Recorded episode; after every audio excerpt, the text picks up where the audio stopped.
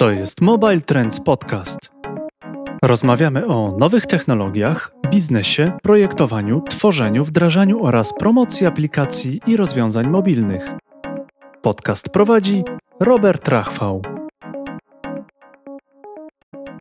Dzień dobry, witam Was bardzo serdecznie w kolejnym odcinku podcastu e, z cyklu Mobile Trends. Już niebawem, dosłownie za kilka kilkanaście dni spotykamy się na konferencji w Warszawie, konferencji Mobile Trends for Experts 25-26 października. E, bardzo wielu interesujących ekspertów, e, aż sześć ścieżek tematycznych, między innymi ścieżka poświęcona marketingowi, na której wystąpi fantastyczny i wieloletni prelegent naszych e, konferencji, Krzysztof marzec. Witam Cię Krzysztofie bardzo serdecznie i cieszę się, że w, tym gorącym również dla Ciebie okresie znalazłeś chwilę na nagranie naszego podcastu. Cześć Robert, witajcie. Witam wszystkich słuchaczy.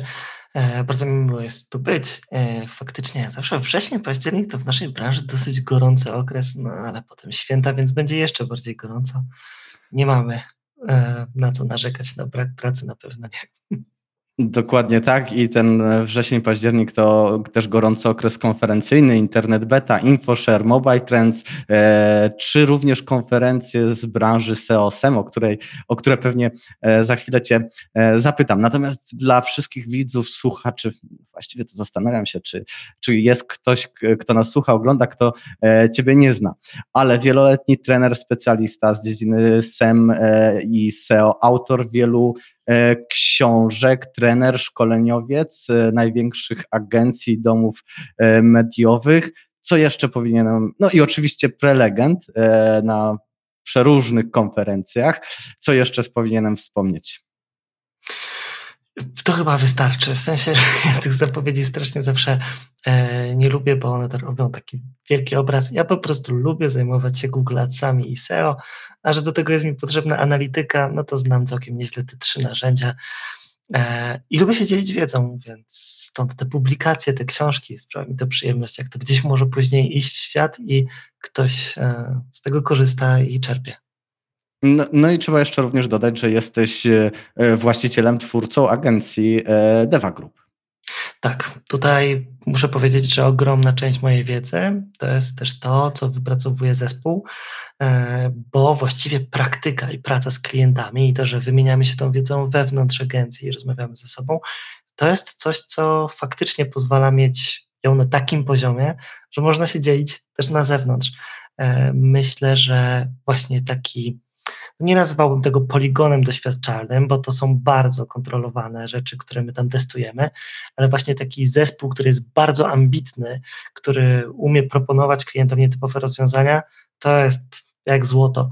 Właściwie jesteśmy na bieżąco z wszystkimi nowościami, dzięki temu ja wiem, jak te nowości działają, można sprawdzać te, e, te mm, e, rozwiązania, typy kampanii w Google Adsach, typy podejść w SEO i mamy na bieżąco dane na temat ich skuteczności. No to procentuje, ale dzięki temu posiadając ten pełny obraz, będąc na tej pierwszej linii e, nowości, ma się pewien taki pogląd na to, co wykorzystać, co jest przewagą nad konkurencją. Bardzo, bardzo polecam, e, jeżeli ktoś się interesuje danym polem i zależy Was duża część dochodów od tego, to jednak czytanie na ten temat, testowanie to jest coś, co bardzo polecam. Spróbujemy dzisiaj trochę tej wiedzy wycisnąć e, od Ciebie, e, dotyczącej właśnie tej analityki kampanii e, marketingowych, w szczególności w kontekście oczywiście kanału mobile. Dodam również, że jesteście organizatorem konferencji SEM KRK. Najbliższa edycja odbędzie się 28 października w Krakowie. To jest ta nasza mniejsza edycja w Mandze. Spodziewamy się około 300 osób e, i bardzo gorąco zapraszam. E, na pewno przygotujemy jakiś kod zniżkowy na bilety dla wytrwałych słuchaczy. Natomiast e, my poruszamy tam tematykę, od razu powiem, i SEO, i SEM. Pojawiają się przedstawiciele biznesów, specjaliści, więc to nie jest tak, że to jest tylko super zaawansowana wiedza. Można tam wejść że tak powiem, e, swoją aktualną wiedzą ją poszerzyć.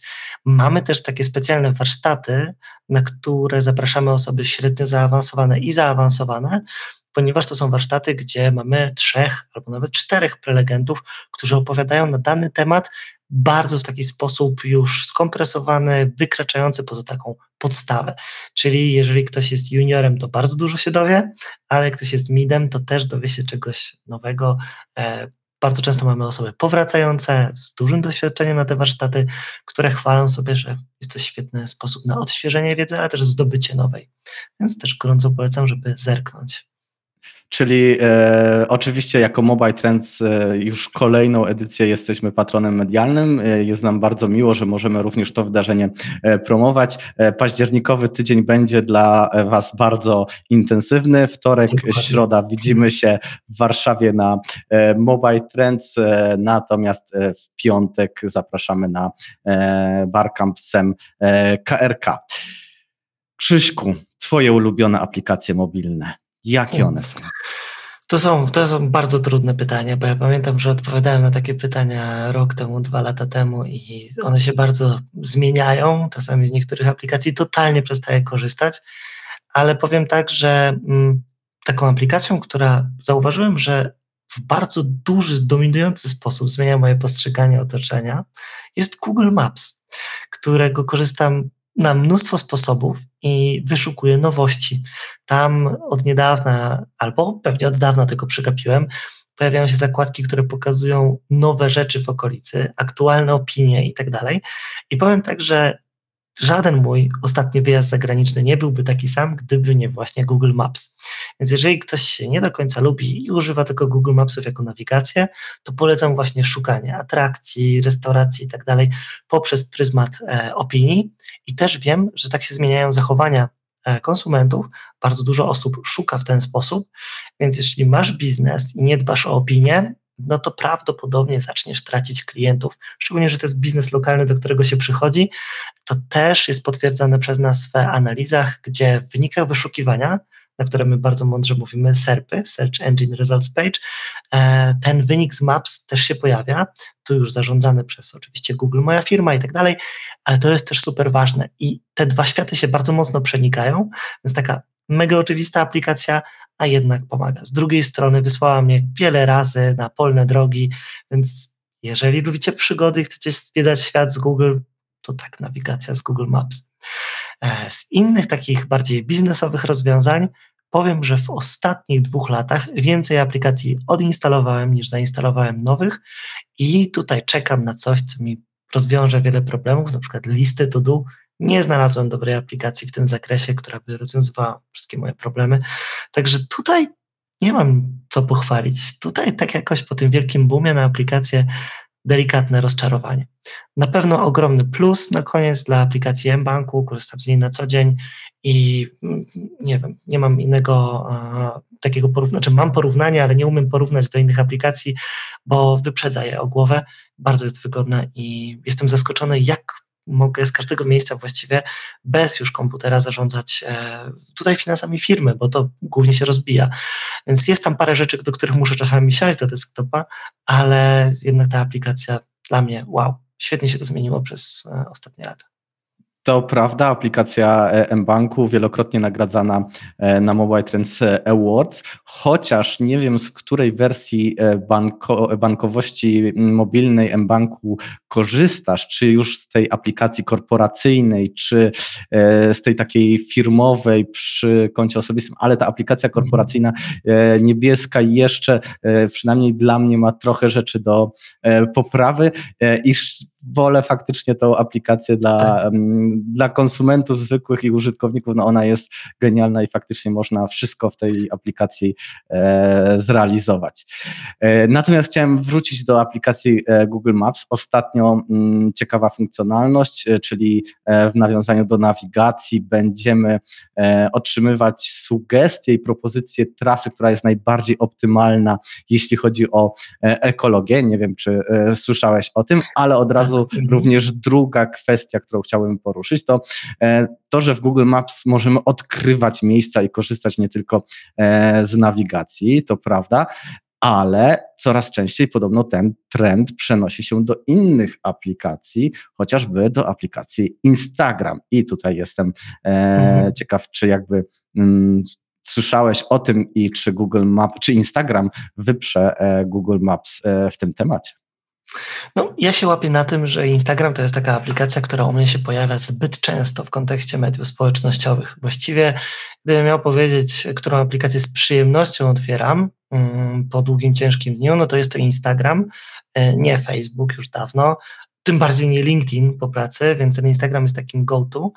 Natomiast e, mm, odkrywanie nowych miejsc, owszem, trzeba się więcej czasu spędzić tam. E, bardziej jednak zauważyłem, że bardzo dużo takich zwykłych osób, które tworzyły treść wcześniej na Facebooku, przeniosło się na Instagrama e, z tworzeniem treści, zdjęć, rolek i tak dalej jak gdyby widzę, że są w ogóle nieaktywne na Facebooku, są aktywne w Instagramie, więc to zauważam. Z drugiej strony mnóstwo widzę pułapek mm, tego medium, w sensie mam trójkę dzieciaków, muszę im wyjaśniać cały czas Instagram versus reality i też mamy dziwny obraz życia innych osób przez Instagrama w kontekście mm, różnych problemów, depresji i tak dalej radziłbym bardzo uważać na korzystanie z tego medium, bo sam po sobie widzę, że nagle wszyscy moi znajomi zawsze są na urlopie, prawda? No to jest, e, to jest medium, którego trzeba bardzo ostrożnie korzystać, e, ale bardzo fajne jest w takim modelu marketingowym, bo nic mnie bardziej nie zachęci do pójścia do nowego miejsca niż właśnie zdjęcia, e, wiem, załóżmy tu jedzenia albo jakiejś atrakcji z odpowiednim opisem, ale jednak jeśli chcę sprawdzić ten, tą opinię, wracam do Google'a. Tutaj tu mi brakuje takiego czegoś, e, co mają Google Mapsy. A już testowałeś e, TikToka? E, TikToka bardzo zachowawczo, przebijają się do mnie filmy, nie mam samej aplikacji. Memy oczywiście, wszystko to jest, tylko to spływa przez inne media, na przykład przez Reddita i nie jestem w stanie jak gdyby zrozumieć, jak ktoś ogląda tego TikToka tak bardzo nałogowo, bo to wysysa strasznie czas, w sensie mam inne do tego podejście. E, czasami jak się podepnę pod jakiś kanał, no to wiadomo, że mnie wciąga, to bardziej na komputerze, ale też e, tutaj ten trend jest e, dla mnie zastanawiający, bo nagle w jednym medium jest bardzo dużo kreatorów dobrych i bardzo dużo słabych. E, to samo, co się dzieje z shortsami na YouTubie. Dla mnie tam pojawiają się rzeczy, które no nie powinny się pojawiać i za dużo dzieci tworzących treści i pokazujących to na zewnątrz, nie spodziewających się konsekwencji, jakie mogą z tego wyniknąć. Więc tutaj też takie, warto myślę, że mówić o mediach społecznościowych, z, mówić o zagrożeniach, jakie z tym się wiążą. TikTok na szczęście nigdy mnie nie wciągnął. Nie to, że jestem za stary, posiedziałem, próbowałem, po prostu wolę wy, wy tutaj takie rafinowane już przez kogoś innego, najlepsze filmiki, najlepsze memy, które trafiają gdzieś indziej ale y, coraz częściej wykorzystywane biznesowo i marketingowo. E, również y, tak. u Was w agencji y, przygotowujecie i tworzycie jakieś już pierwsze biznesowe, czy jakby to nie jest core Waszego e, biznesu tutaj? TikTok Ads jak najbardziej, jako system reklamowy, natomiast sami dla siebie nie robimy filmów. Nasz e, odbiorca częściej znajdziemy go na Facebooku, LinkedInie czy Instagramie. Tutaj jeszcze nie widzieliśmy, chociaż gdybyśmy robili kolejną edycję bootcampu, E, żeby szkolić naszych przyszłych e, stażystów, no to myślę, że TikTok mógłby być ciekawym medium zasięgowym. Natomiast sama reklama TikTok Ads potrafi być skuteczna w wielu niszach. Bardzo fajny, rosnący system reklamowy, tak jak kiedyś Facebook, e, jeszcze nie tak mocno nasycony, ciekawe stawki, całkiem niezłe rozwiązania, które tam można stosować. No i jest to medium, które ma ogromny zasięg, więc jak najbardziej można to wykorzystywać. To dopytam jeszcze w kontekście właśnie reklamy. E, TikTok wydaje się, że warto wejść i zainwestować, bo jest to medium, które zyskuje na popularności. A co z reklamami na takim portalu jak Pinterest? Mhm. Tutaj bardzo dawno nie widziałem żadnego konkretnego case study, naszego jakiegoś case study, żeby mógł się na ten temat wypowiadać. My w pewnym momencie, przy tym takim dużym rozdrobnieniu różnych systemów, postanowiliśmy, że jednak skupiamy się na tych, które są główne na danych rynkach i znamy się na tych, które są gdzieś na zewnątrz, czyli owszem, bez problemu ustawię kampanię w Bing Adsach czy Microsoft Adsach i robimy to od lat. Natomiast powiedzieliśmy w pewnym momencie stop i na Pinterestie jest małe, mała ilość zapytań klientów. Wydaje mi się, że to jest ta sama sprawa, która jest z TikTokiem. Po pierwsze, mało osób jeszcze odkryło, jak ta reklama działa. Po drugie, ona jest dobra dla konkretnych branż. W sensie mogę wymieniać firmy, które tam zadziałają lub mogą zadziałać, i mogę wymieniać firmy, które tam nie znajdą potencjalnego odbiorcy czy ciekawych e, punktów styczności na, na konwersję. No to jakaś jedna, dwie branże e, na Pinteresta, które będą się idealnie nadawać. Mhm. Wyposażenie wnętrz. Nawet bym powiedział, że ciuchy, branża odzieżowa mogłaby tam trafić, e, ale wszystko, co związane z wnętrzami, to jest po prostu, to jest go-to, tam, tam świetnie może to zadziałać. Pinterest jest używany przez bardzo dużo osób do zbierania takich moodboardów, e, do zbierania pomysłów, jak będzie wyglądało moje kolejne mieszkanie lub wielki remont, który gdzieś tam się planuje. Bardzo dużo tam jest osób takich, to jeden z wielu przykładów, jakich użytkowników możemy tam znaleźć. Rozumiem. E, kończąc nasz e, wstęp, bo mm, e, to cały czas nawiązujemy do aplikacji Twojej ulubionej, czyli Google Maps, chciałem właśnie powrócić do tej aplikacji pod kątem SEO. Czy treść komentarzy, które dodajemy do, do opinii, jako opinie do firm, czy to już ma znaczenie w wynikach później wyszukiwania? Czy nawet jeśli moja firma powiedzmy nie świadczy albo nie oznaczyła, że ma super śniadania, a ktoś napisze, że fantastyczne śniadania e, w danej restauracji, czy jakiś mhm. inny przykład. Mm, powiedzmy, że sprzedaje e, meble, a ktoś napis, napisze w komentarzu, że ogromny wybór e, akcesoriów czy, czy stołów, to czy to ma znaczenie i powinniśmy już zacząć myśleć o tym, co klienci o nas, o nas piszą. No, tu zadałeś bardzo dobre pytanie, które musiałbym potwierdzić bieżącym testem, dlatego że my część rzeczy testujemy na, na jakiej zasadzie, jeżeli musimy wiedzieć, znać odpowiedź, dać taką odpowiedź klientowi lub zastosować i wiem na pewno, że dodawane zdjęcia i ich opisy potrafią wpłynąć na to, co się dzieje. Czyli ja jako właściciel biznesu zawalam trochę swoją wizytówkę i nie opisuję tego, co tam jest, a osoba, która szuka, nie szuka konkretnej restauracji w Krakowie, tylko szuka miejsca, gdzie zje burgera, więc wpisuje burger, wpisuje sushi, wpisuje brunch, cokolwiek. I widzę, to każdy może sprawdzić, że często te wyniki wiążą się ze zdjęciami i opisami tych zdjęć, potraw, które tam są dodawane. Ale jednak najważniejszy będzie opis.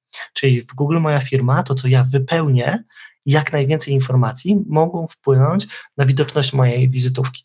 I oczywiście nie jestem w stanie powiedzieć, czy e, jakieś wypełnienie danego pola e, ma wpływ na to, że ta wizytówka będzie wyżej, niżej, e, jak opinie się na to przekładają jeden do jeden, ale ogólne takie zasady znamy i wiemy, że powinna ta treść wystąpić w tym opisie, powinniśmy dodać jak najwięcej zdjęć z opisami i pokazać swoje menu, na przykład, jak już mówimy o restauracjach. Wiemy również, że ten, e, ta popularność odzwierciedlona opiniami też może mieć wpływ na pozycję. E, nie jesteśmy w stanie powiedzieć, że zdobądź 7 opinii, będziesz wyżej, ale jeżeli o to dbamy, no to na pewno.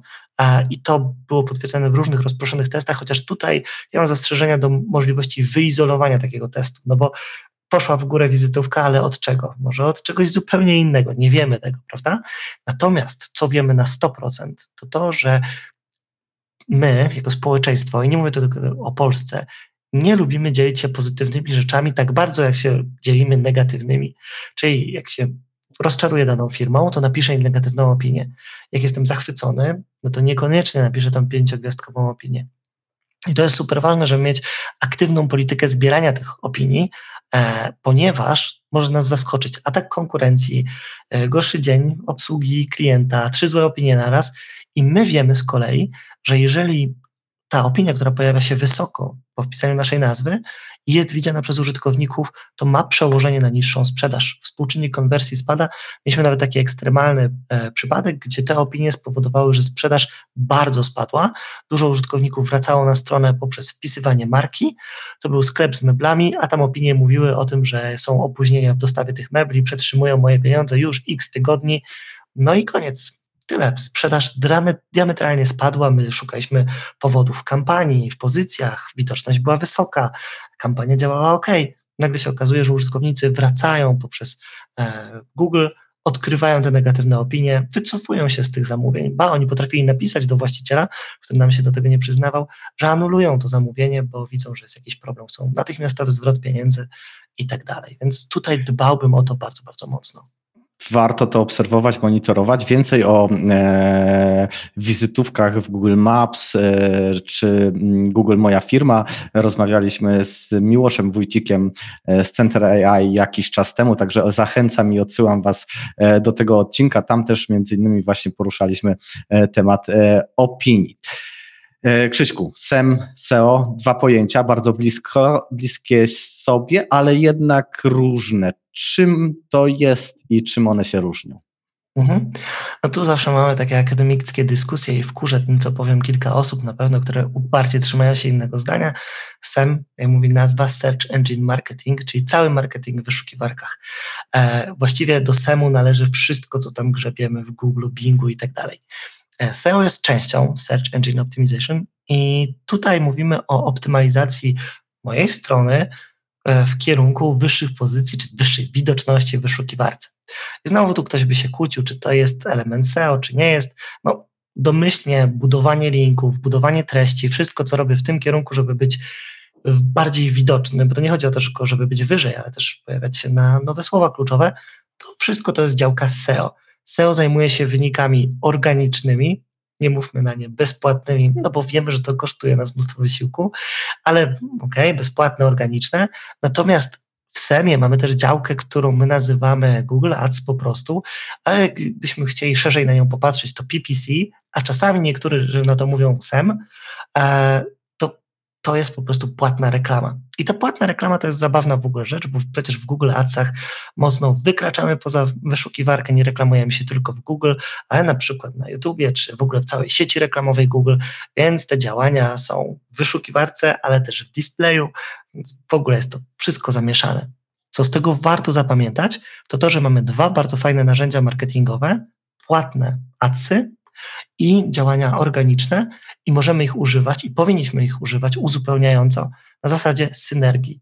Nie albo albo, tylko na zasadzie synergii. Ba, dodam, że taką świetną strategią jest uczenie się z wyników kampanii Google Ads e, i branie tego pod uwagę w kampanii SEO.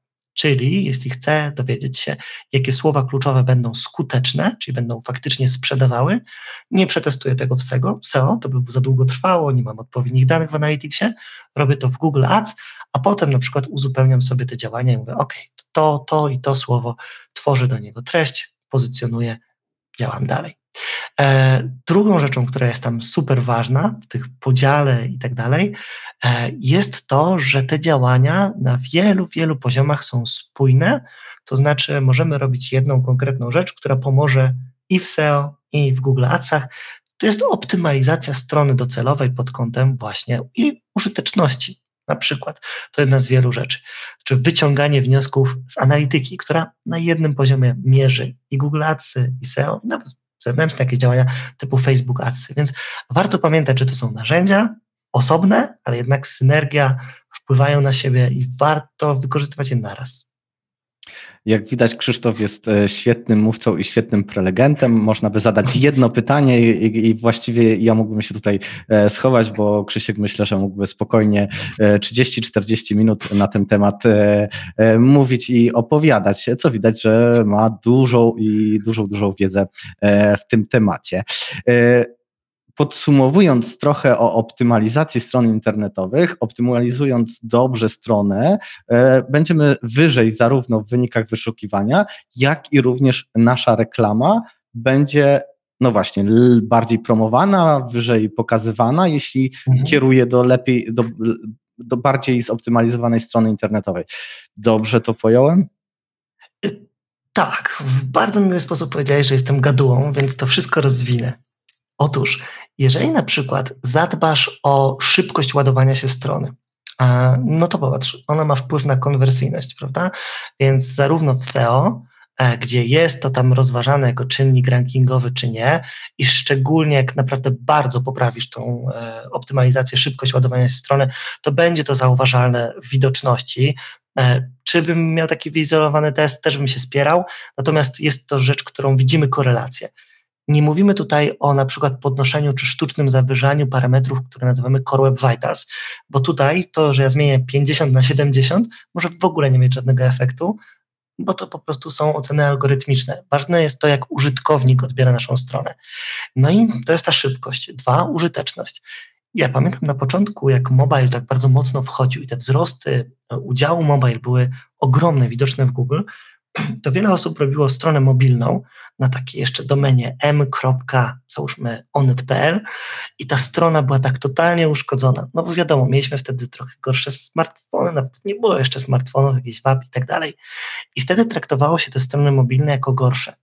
Jedną z takich zasad, którą teraz stosujemy, to jest to, że projektujemy strony mobile first. Jeśli poświęcimy czas na to, żeby ta strona była super, miała, dawała dobre wrażenie, odpowiadała od razu na moje zapytanie, które wpisałem w Google, właściwie na to słowo kluczowe, intencje, jakie mam z nimi związane, czy jak wpisuję biżuteria, to pewnie chcę kupić kolczyki, tak? Nie wiadomo, muszę zobaczyć na tej stronie docelowej, że ta firma sprzedaje różne typy biżuterii, bo wpisałem ogólne słowo.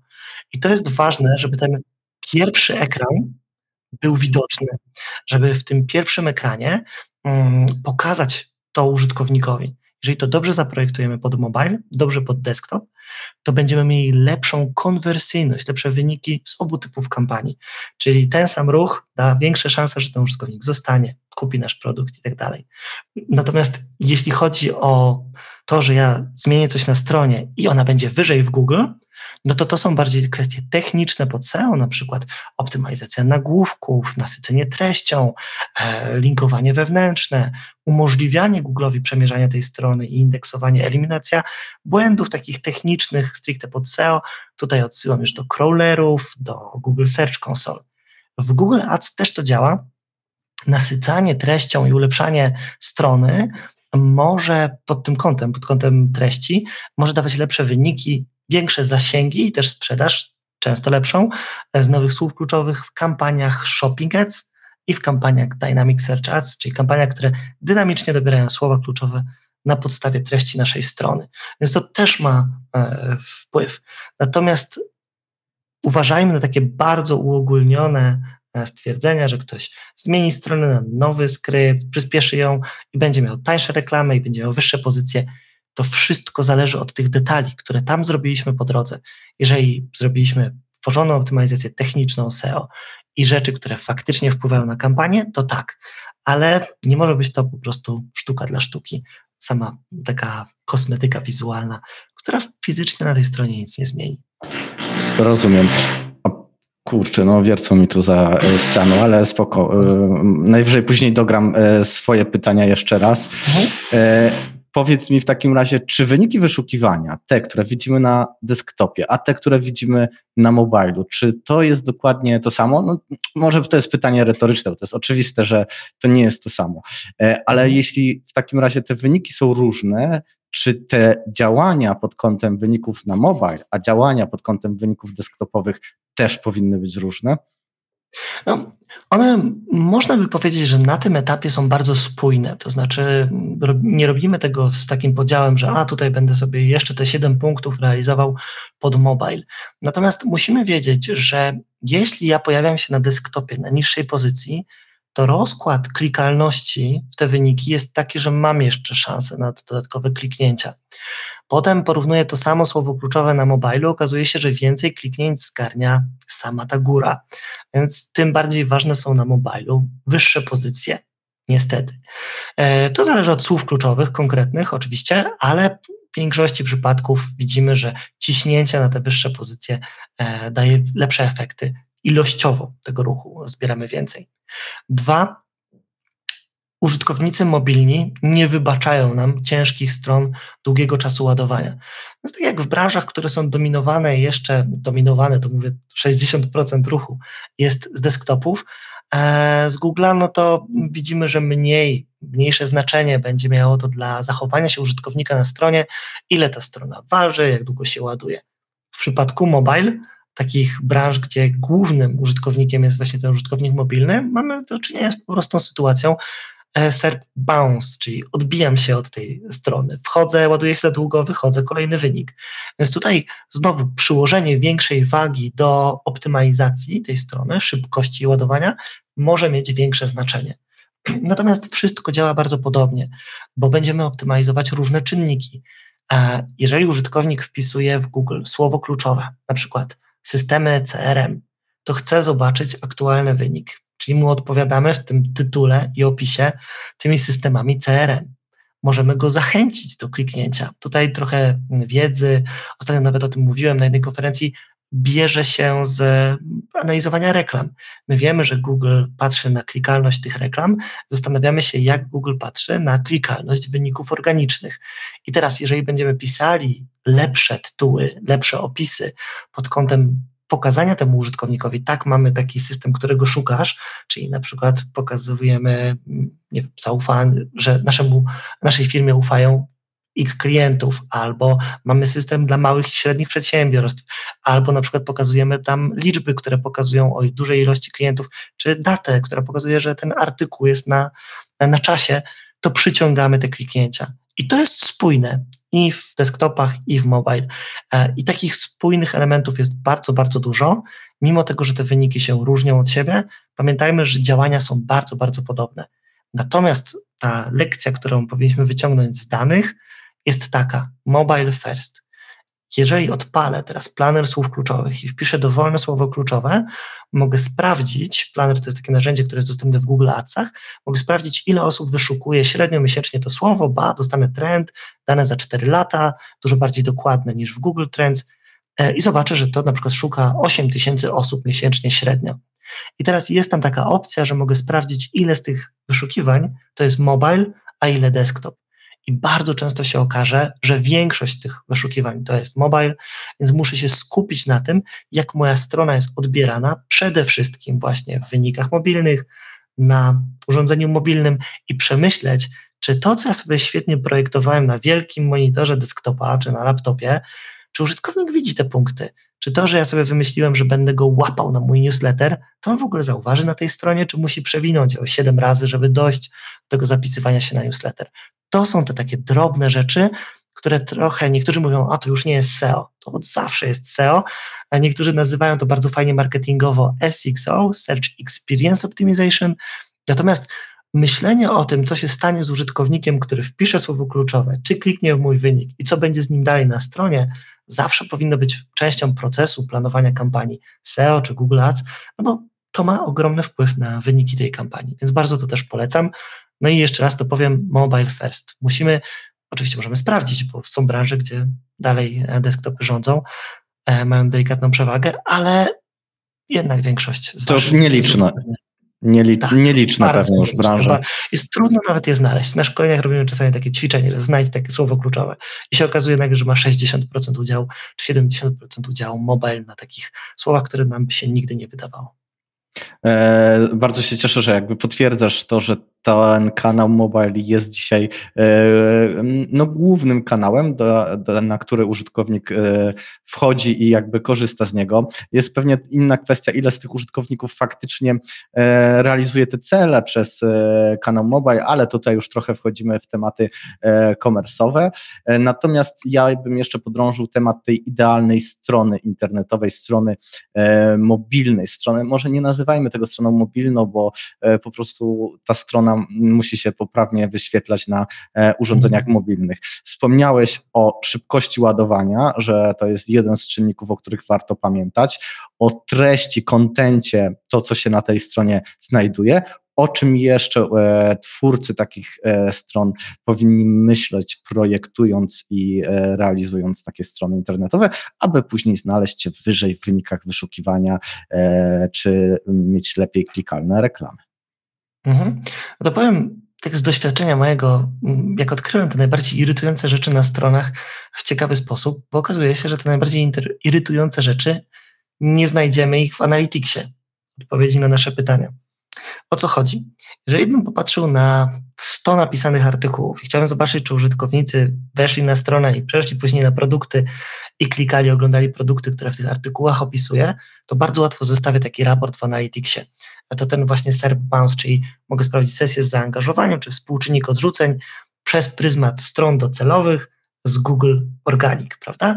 I widzę od razu, że ten artykuł nigdy nie powoduje przeklików dalej, a ten wręcz odwrotnie, świetne przekliki, ba nawet sprzedaż przypisaną do tej nawet pierwszej sesji czasem, bo tak się to może też zdarzyć. Potem chcę zobaczyć, jak użytkownik się zachowuje na stronie, czy on odnajduje te informacje. Idę do kolejnego narzędzia, na przykład Hotjar. E, mam mnóstwo też swojej konkurencji, można poszukać alternatyw, ale Hotjar nagrywa mi zachowanie użytkownika na stronie, tam gdzie przewija, tapnięcia, na desktopach kursor i tak dalej. Mogę to porównać, zobaczyć, jak się użytkownik zachowuje. Ale uwaga, okazuje się, że na konwersję i bardzo takie rzeczy rozbijające sprzedaż może wpłynąć to, że mamy nieprzetestowany formularz na urządzeniu mobilnym i na przykład bardzo dużo użytkowników używa Chroma. W Chromie ma zapisane karty kredytowe, a ja znam duże e-commerce, już nie będę tutaj wymieniał z nazwy, gdzie po próbie kliknięcia i wypełnienia automatycznie tymi danymi z Chroma ta karta kredytowa moja się nie wypełnia. Co powoduje, że ja muszę ją fizycznie wyjąć, no bo na telefonie trudno ją gdzieś tam przepisać, ba, mój bank jej nie ma całego tego numeru, żeby mi nikt go łatwo nie ukradł, więc ta konwersja często kończy się fiaskiem. I potem ktoś wraca mówi, dobra, kupię to na Allegro, tam mam już smarta, tam mam już wszystkie dane wpisane i tak dalej. Więc jeżeli wymagamy od użytkownika założenia nowego konta, no to ułatwmy mu to działanie. E, bardzo często spotykałem się z czymś takim, że ktoś odświeżał stronę i był podmieniony na inny wygląd, formularz, który pamiętał tam hasła i tak dalej, ale tak ktoś to zrobił specyficznie, że nie mogłem automatycznie wypełnić na swoim hasłem zapamiętanym wcześniej tego nowego formularza. Jeden z banków mi to robił ustawicznie, byłem mega poirytowany, bo musiałem resetować to hasło, nie pamiętałem go za każdym razem, lub znowu szukać tego hasła w innej zakładce gdzieś tam w Google. To są proste rzeczy, o których musimy pamiętać, które wychodzą dopiero wtedy, kiedy my przez ten nasz cały system się przeklikamy, przejdziemy. No i teraz zastanówmy się, jak wygląda na przykład zapis na newsletter. E, czy faktycznie w to pole, jak wejdę, no to można tam podać tego maila, czy on się podpowie, czy tam są jakieś utrudnienia, bo czasami miałem takie sytuacje, gdzie w momencie, kiedy ten mail był wysyłany na, e, na konto, e, było wymaganie maila firmowego. I okay, rozumiem intencje użytkowników i pewnie dzięki temu mieli trochę lepsze lidy, ale ja na komórce mam nieskonfigurowany mail firmowy, więc znowu musiałem poczekać, żeby zapisać się na ten newsletter, aż będę przy innym urządzeniu. I to są takie drobne rzeczy, które trzeba wyważyć, czy tak chcemy iść w jedną stronę, czy w drugą stronę. Na pewno za każdym z nich jest inna filozofia, ale każdy z nich łączy to, że dopiero testy takie przeklikanie się przez tą stronę pokażą nam te zagrożenia i uwaga, nie może tego robić specjalista, który na co dzień siedzi w branży marketingu, bo my mamy trochę inne podejście. My sobie z tymi rzeczami poradzimy, to musi być ten zwykły człowiek, który się rozbije o to. I to można też próbować hotjarem namierzyć. E, często te rzeczy powodują, że tych, te konwersje gdzieś tam e, gubimy. Inne, no to sprawdzimy w Analyticsie, podglądniemy w Hotjarze, E, ta szybkość ładowania strony ma duże znaczenie, ale podpowiem również, że brak informacji, e, uwzględnienia kontekstu tej informacji ma duże. Widzimy to w reklamach, gdzie w reklama kłamie trochę, użytkownikowi opowiada, co tam znajdzie na stronie docelowej, a strona docelowa tego nie dowozi. Na przykład rozbieżność mm, informacji dotyczących produktów, no to nieaktualizowanie stanów produktowych, reklamy prowadzące do czegoś, czego się nie da dodać do koszyka, do stron 404, no to trzeba mieć pod kontrolą i na to też jest marnowane dużo budżetów. Czyli na przykład jeśli w reklamie piszemy, że oferujemy raty 0% i darmową dostawę, to również powinny takie informacje w formie tekstowej znaleźć się na docelowej stronie, z której kierujemy do reklamy, aby właśnie ten algorytm, ten robot Google zobaczył, że ok, w reklamie piszesz o ratach, również na stronie jest taka informacja? No zdecydowanie tak, bo najgorsze, co możemy zrobić, to komuś te raty obiecać. On wchodzi na stronę i dopiero na ostatnim etapie koszyka pojawia się ta opcja. On, ta osoba może być zniechęcona, nie widzi tej informacji, nie przejdzie całego koszyka zakupowego, żeby to sprawdzić. Może tutaj zły przykład. Taką rzeczą, która najbardziej odrzuca użytkowników, to są różnice w cenach albo obiecana promocja. Piszemy, że ceny jakieś tam mamy promocyjne, wchodzimy na stronę i tej promocji nie ma. Nie możemy znaleźć tego kodu, coś z nim nie działa. E, jest też to działa ciekawie w drugą stronę. E, analizowałem kiedyś takie zachowanie użytkowników, którzy kopiowali bardzo mocno e, tytuły produktów. Okazuje się, że bardzo wielu z nich kopiuje je, żeby wkleić do Ceneo, sprawdzić najniższą cenę. Ale jeszcze jest jedno ciekawsze zachowanie. Użytkownicy są w koszyku zakupowym, już chcą podjąć decyzję, już kupują, a tam jest miejsce na kod i tu następuje pauza. Na wielu nagraniach jest pauza na tej stronie, nic się tam nie dzieje, a potem wracają z bardzo dziwnymi, nieaktywnymi kodami. Co oni robią w tym czasie? No szukają tych kodów rabatowych w internecie. Więc jak im pokażemy, że jest takie miejsce na kod, czasami nawet prowokujemy ich do tego, żeby tych kodów szukali. Można to trochę inaczej przemyśleć i jakoś inaczej to wkomponować, niezbyt tak agresywnie, żeby tych użytkowników nie rozproszyć. No, to na przykład na tych nagraniach Hotjara czasami się pojawia właśnie, że nagle jest pauza i ktoś wpisuje jakieś tam dziwne rzeczy, ktoś mówi, o to są nieaktywne kody. E, uwaga, bo sam Hotjar takie rzeczy anonimizuje, można to analizować też w trochę w inny sposób, żeby dojść do, do niektórych wniosków. Najprościej wyłączyć wtedy pole na wpisanie kodu rabatowego, jeśli Można nie oferujemy tak, e, w danym momencie żadnego Że nie ma takiego kodu, dokładnie, dokładnie. Wtedy nic nie rozprasza użytkownika. E, wspomniałeś o wielu aspektach i wielu rzeczach, które wpływają na konwersję. Natomiast mnie mhm. cały czas irytuje i zastanawia, czy te e, rzeczy e, typu właśnie odpowiednie formularze, że użytkownik e, zapisze się do newslettera, że mm, dokona zakupu, czy to również wpływa na to, jak Google postrzega naszą stronę, naszą firmę i jak wysoko wyświetla ją w wynikach wyszukiwania? Mhm. Nie szedłbym aż tak, dlatego że Google nie ma dostępu do sygnałów rankingowych, które pochodzą z naszego Analyticsa. Czyli on nie wie, czy ktoś kliknął w numer telefonu, jak gdyby nie wykorzystuje tego dalej. To się kończy trochę na wyższym poziomie. I teraz w SEO to jest zawsze gdybanie i można sobie to analizować na podstawie różnych danych. Wielu badaczy twierdzi, że jest to podobnie jak w Google Adsach, w Google Adsach mamy opisane to jako wynik jakości, warto poczytać o jego składowych i warto poczytać, na co Google zwraca uwagę, gdzie próbuje ocenić naszą stronę. Trzeba pamiętać, że wynik jakości to jest narzędzie diagnostyczne, czyli to nie jest to, co Google bierze pod uwagę w obliczeniach rankingu reklamy, tylko to jest to, co Google łaskawie nam postanowiło pokazać, o tak powiem. Czyli to nie widzimy całego obrazu. Teraz co się okazuje? To, o co pytałeś, jest trochę na innym poziomie, dużo bardziej ogólnym, rozpatrywane w ten sposób, że jeżeli ja wpisuję słowo kluczowe w Google i trafiam na jakąś stronę, i potem wpisuję kolejne słowo kluczowe, to Google wie, czy one są powiązane i mógłby próbować ocenić, czy ta reklama, na którą wysłał ruch, była przydatna. I on to robi.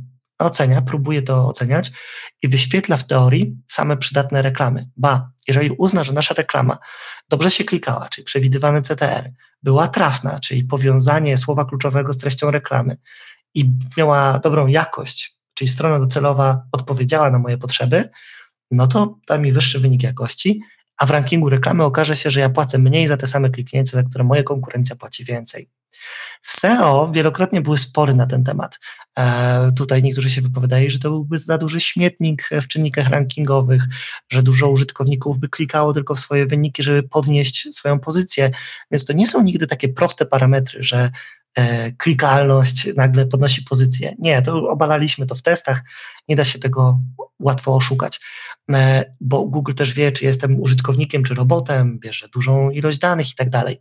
Natomiast prawdopodobnie są parametry agregowane czy analizowane, czy ta strona była użyteczna, czy nie, bo zauważyliśmy, że strony, które sypią błędami, które bardzo długo miały na przykład opóźnienie ładowania ze względu na błędy serwera, zaczęły nam e, mieć ograniczoną widoczność. Traciliśmy też pozycję na kontent, który był sztucznie wypozycjonowany, był takimi baitami na użytkownika, i okazało się, że tam treści nie ma. Google zresztą lata temu mówił, że te wszystkie Google bomby to się wyczyszczą same, bo to użytkownicy pokazują, które wyniki są lepsze, gorsze. Ja tu bardzo uogólniam, a nie chciałbym, żeby ktoś to interpretował w ten sposób, że on teraz siada i mówi całej rodzinie klikaj w moje wyniki i zostań na stronie, już nie wpisuj podobnych słów kluczowych, to podniesiesz moją pozycję. Nie, to tak nie działa, ale jeśli pomyślisz o dobrze użytkownika, czyli że on wpisuje to słowo, ma jakąś intencję, może zakupową, i ja mu odpowiadam nie tylko zdjęciami obrączek, jak on wpisał biżuteria, tylko pokazuję mu kolczyki, zawieszki, bransoletki, pierścionki, wszystko naraz, to mam większą szansę, że trafię w gusta użytkowniczek czy użytkowników, którzy wpisali to słowo kluczowe, czy jestem bardziej przydatną stroną na to słowo ogólne. A jak mam znowu słowo obrączki platynowe i ja pokażę, napiszę obrączki platynowe są niefajne, mamy tylko złote, kupuj, to mogę się spodziewać, że będzie bardzo trudno wypozycjonować się w ten sposób. Natomiast jak pokażę, że mam szeroki wybór obrączek platynowych, no to już wygrywam. I to o to chodzi, żeby być przydatnym, być użytecznym.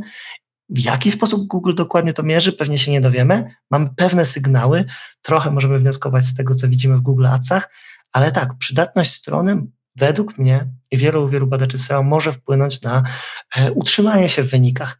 I to znowu jest mnóstwo czynników. No jak nie będziemy mieli dobrego, prostego title, H1, nie będziemy mieli linków, no to nic z tego. To jest też synergia tych wszystkich filarów, ale znowu beznadziejna, nieużyteczna strona, to po co ma być wypozycjonowana? Nikt tam nie będzie kupował na tej stronie docelowo. E, obaliłeś właśnie jeden e, z mitów. Mój e, znajomy pytał mnie kiedyś, czy to, że on prosi rodzinę, aby w Google wpisywali tam kwiaciarnia Kraków i klikali właśnie w jego stronę, która jest gdzieś tam na drugiej czy trzeciej stronie wyników wyszukiwania, czy to mu pomoże, że kiedyś będzie. Musiałby mieć bardzo, bardzo dużą rodzinę. No i a później jeszcze prosił, żeby długo na tej jego stronie byli, żeby jak najwięcej tam chodzili, klikali, żeby nie było tak tylko, że weszli i e, wyszli od razu mm, z tej strony, bo e, myślał, że Google e, też takie informacje ma. No ale oczywiście od tego jest analityka, którą powinniśmy mieć zainstalowaną na swojej stronie. Przechodzimy tutaj płynnie do kolejnego tematu, e, czyli do Google Analytics i trochę takiej rewolucji, która następuje, a być może to słowo rewolucja to jest za dużo powiedziane. E, opowiadałeś o tym na swojej prelekcji podczas konferencji Internet Beta, na której też miałem przyjemność być i e, słuchać. I powiem szczerze, jako osobie, która nie działa w takiej agencji SEM, SEO i nie siedzi w tym temacie, a gdzieś tam czasami zaglądam do tego Google Analytics, to wydaje mi się, ale może jestem w błędzie i może wyprowadzisz mnie z tego błędu, że ten nowy Google Analytics będzie dla mnie trudny i ciężki do e, zrozumienia i będę musiał dużo pracy i wiedzy wcześniej uzyskać, żeby dobrze go skonfigurować. Porozmawiajmy o Google Analytics 4.0. Mhm. Cóż, no, odpowiedź jest twierdząca, będzie trudniej.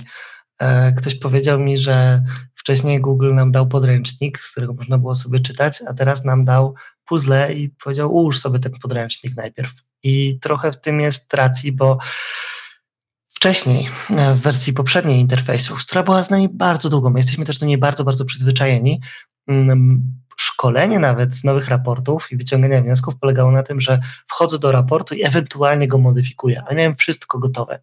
W tym momencie główną zakładką, z której korzystamy, jest zakładka Eksploracja, która chyba nawet zdążyła zmienić nazwę po drodze. Wcześniej to się nazywało Analizy, co mnie niezwykle jako autora mm, książki i e, artykułów na ten temat irytuje. Te zmiany są cały czas. To nie jest taki jakiś skończony produkt, nawet współczynnik odrzuceń, którego nie było. E, wcześniej już wrócił do GA4, więc tutaj spokojnie trzeba się uzbroić w dużą ilość cierpliwości do, do tych zmian. No to właśnie, tu buduję e, raporty samodzielnie. Co jest ciekawe, ale dla osoby, która nie ma na to czasu i chciałaby po prostu wejść, zobaczyć skąd ma ruch, jakie są efekty, może być bardzo, bardzo irytujące. Te podstawowe raporty i sposób ich wyświetlania i brak możliwości dostosowania i zmian jest irytujący. Ba, sam łapię się na tym i mam nadzieję, że kiedyś, jak będę miał więcej czasu, żeby się z kimś jeszcze skonsultować w tym zakresie, wiem, że niektóre dane, żeby wyciągnąć, muszę je eksportować. W samym podstawowym widoku nie da się do nich dotrzeć. I próbowałem naprawdę wielu metod, czekam aż Google coś z tym zrobi. Więc jest trudniej, jest to mniej intuicyjny e, interfejs, no ale właśnie, włożony czas pozwala nam robić własne raporty i samo narzędzie to tak stety, niestety, ale jest dużo lepsze.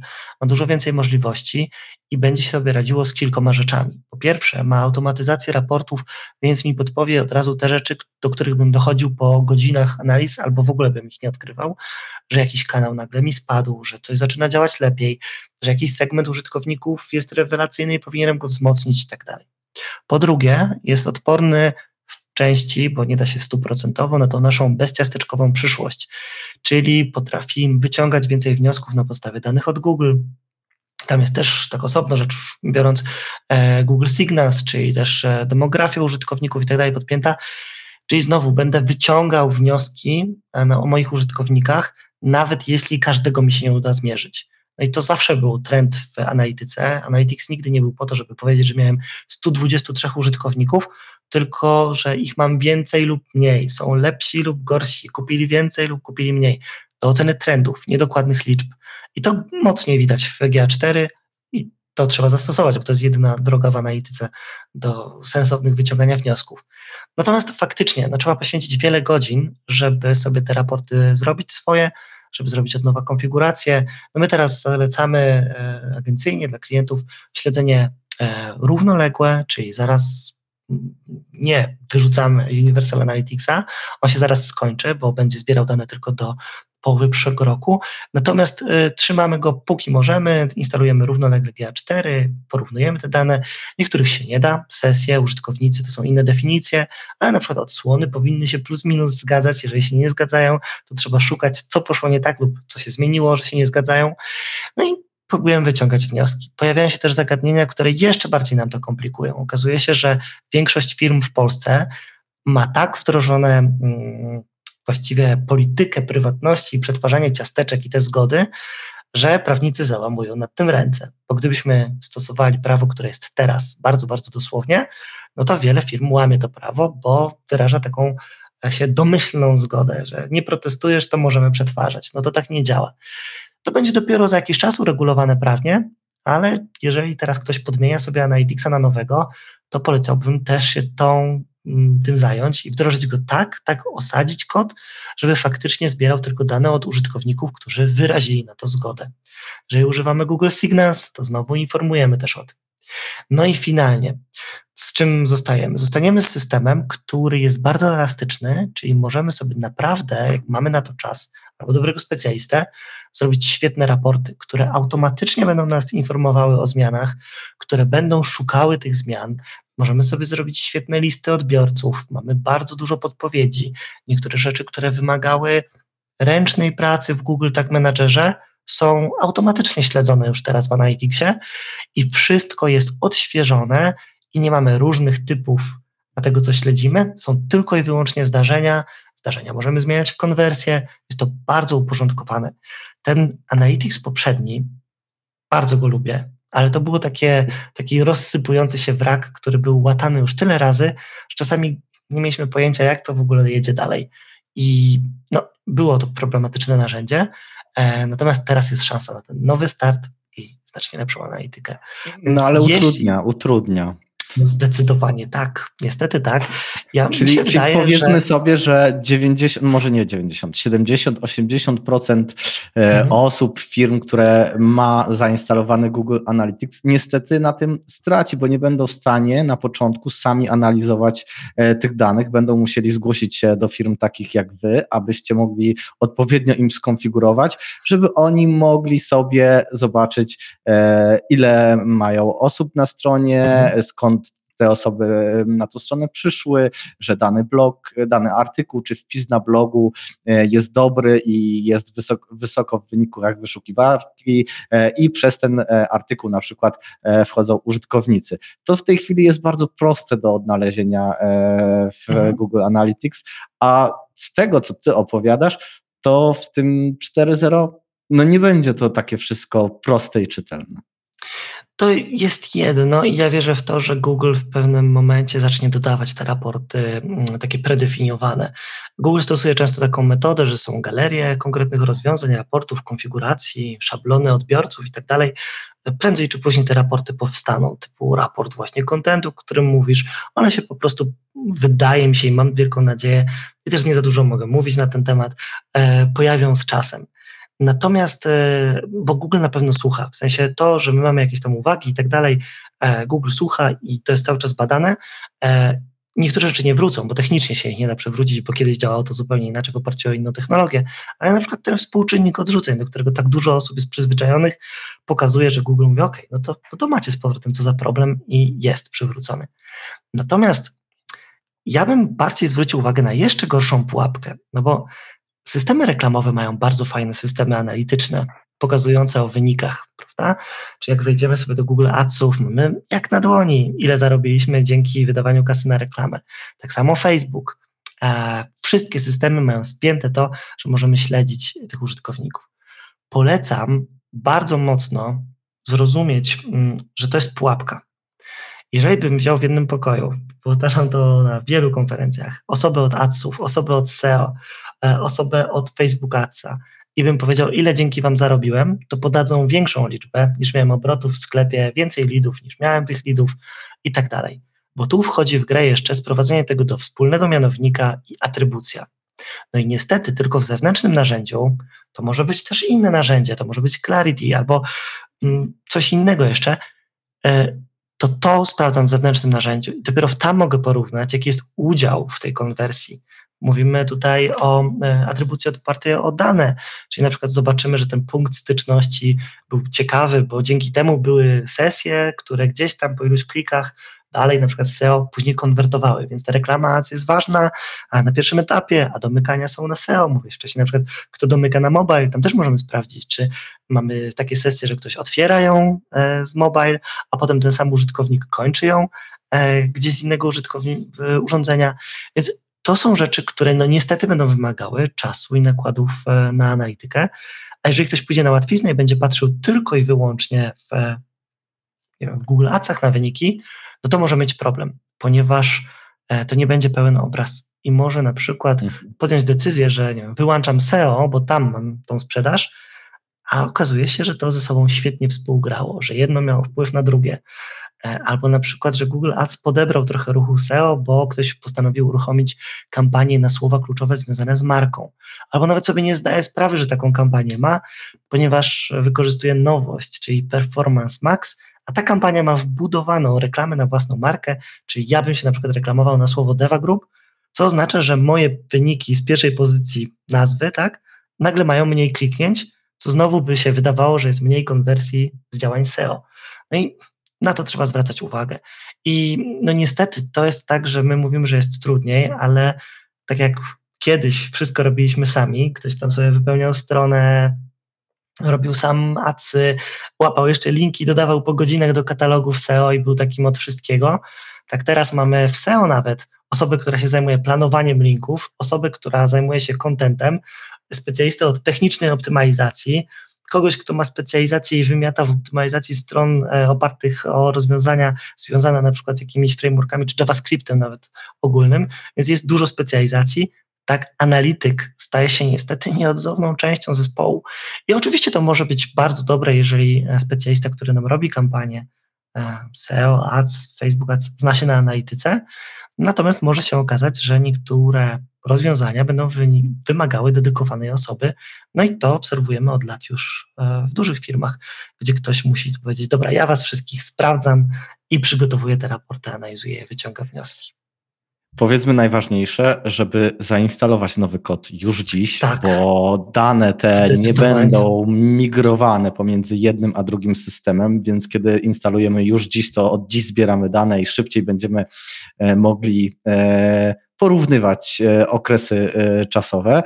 No i również fakt, że jak przypomnisz tą magiczną datę, datę, kiedy przestanie działać obecny Google Analytics, czyli tam już po prostu tych danych nie, będzie się, nie będą się pojawiać e, informacje zbierane z tego systemu. Dokładnie. Do końca czerwca 2023 ta data raczej nie ulegnie przesunięciu. E, ona i tak jest już długa dosyć, jeżeli chodzi o dynamikę, z jaką Google wprowadzał u siebie produkty. No i tak jak powiedziałeś, nie da się porównywać tych danych, a wdrożenie może potrwać. To nie jest takie hop to możemy sobie zbierać dane, nagle się okazuje, że coś zrobiliśmy źle, trzeba na to zaplanować trochę czasu. I wdrożenie to jedno, wdrożenie to jedno, później konfiguracja tych wszystkich raportów to jest e, inna sprawa. Szkolenie ale nie się z tego, wyciąganie szkolenie wniosków, się z tak, tego. Niestety. Do, dokładnie tak, także e, dzisiaj wdrażamy, a e, myślę, że poruszysz również ten temat na Mobile Trends for Experts i będziesz też opowiadać o tej analityce w mobile pod kątem właśnie nowego Google Analytics 4.0, czy jeszcze jakiś inny temat usłyszymy podczas konferencji? No, będę starał się wspominać o tych moich konikach jak najbardziej. To analityka też się nieocownie pojawi. A jeszcze zainteresuje, mam nadzieję, osoby, które mają z aplikacjami mobilnymi więcej do czynienia, to, że właśnie GA4 jako system powstał po to, żeby naraz śledzić wiele różnych strumieni danych, czyli możemy sobie na jednym poziomie spiąć użytkowników z Androida, z iOS-a i jeszcze ze strony internetowej, porównywać ich, ich zachowania, analizować ich wspólnie. To jest naprawdę ciekawa możliwość śledzenia tych użytkowników w aplikacjach w GA4. To jest kolejna nowa odsłona e, raportów, wyciągania mnóstwa wniosków, lepszej monetyzacji aplikacji, optymalizacji wewnętrznej aplikacji, więc jest tam naprawdę sporo wniosków do wyciągnięcia czyli wszystkie osoby, które tworzą, rozwijają swoje aplikacje mobilne i chcą analizować dane, między innymi też z tych aplikacji, powinny na Twoją prelekcję koniecznie przyjść. Zapraszam bardzo serdecznie. Zapraszamy Was bardzo serdecznie. E, ja i Krzysztof na konferencję Mobile Trends. Dla przypomnienia 25-26 października spotykamy się e, w Warszawie. E, oprócz Krzysztofa, jak dzisiaj liczyłem, ponad 60 prelegentów, dwa dni konferencji, aż sześć ścieżek tematycznych, po trzy każdego dnia. Krzyśku, bardzo Ci dziękuję za dzisiejszą rozmowę i dużo cennych informacji, no i będziemy, myślę, kontynuować nasze e, rozmowy właśnie e, w Warszawie. A Wam bardzo dziękuję za uwagę. Dzięki wielkie za zaproszenie i za wysłuchanie. Cześć. Dzięki i do usłyszenia w kolejnym odcinku podcastu Mobile Trends. Cześć. Dziękujemy za Twój czas. Jeśli słuchasz nas na Spotify albo Apple, daj nam 5 gwiazdek i udostępnij ten odcinek na LinkedInie, Twitterze, Facebooku albo na przykład na Stories w Instagramie. Im więcej ocen, tym algorytm częściej poleca podcast Mobile Trends innym subskrybentom. I właśnie dzięki Tobie dzielimy się wiedzą. Do zobaczenia i usłyszenia.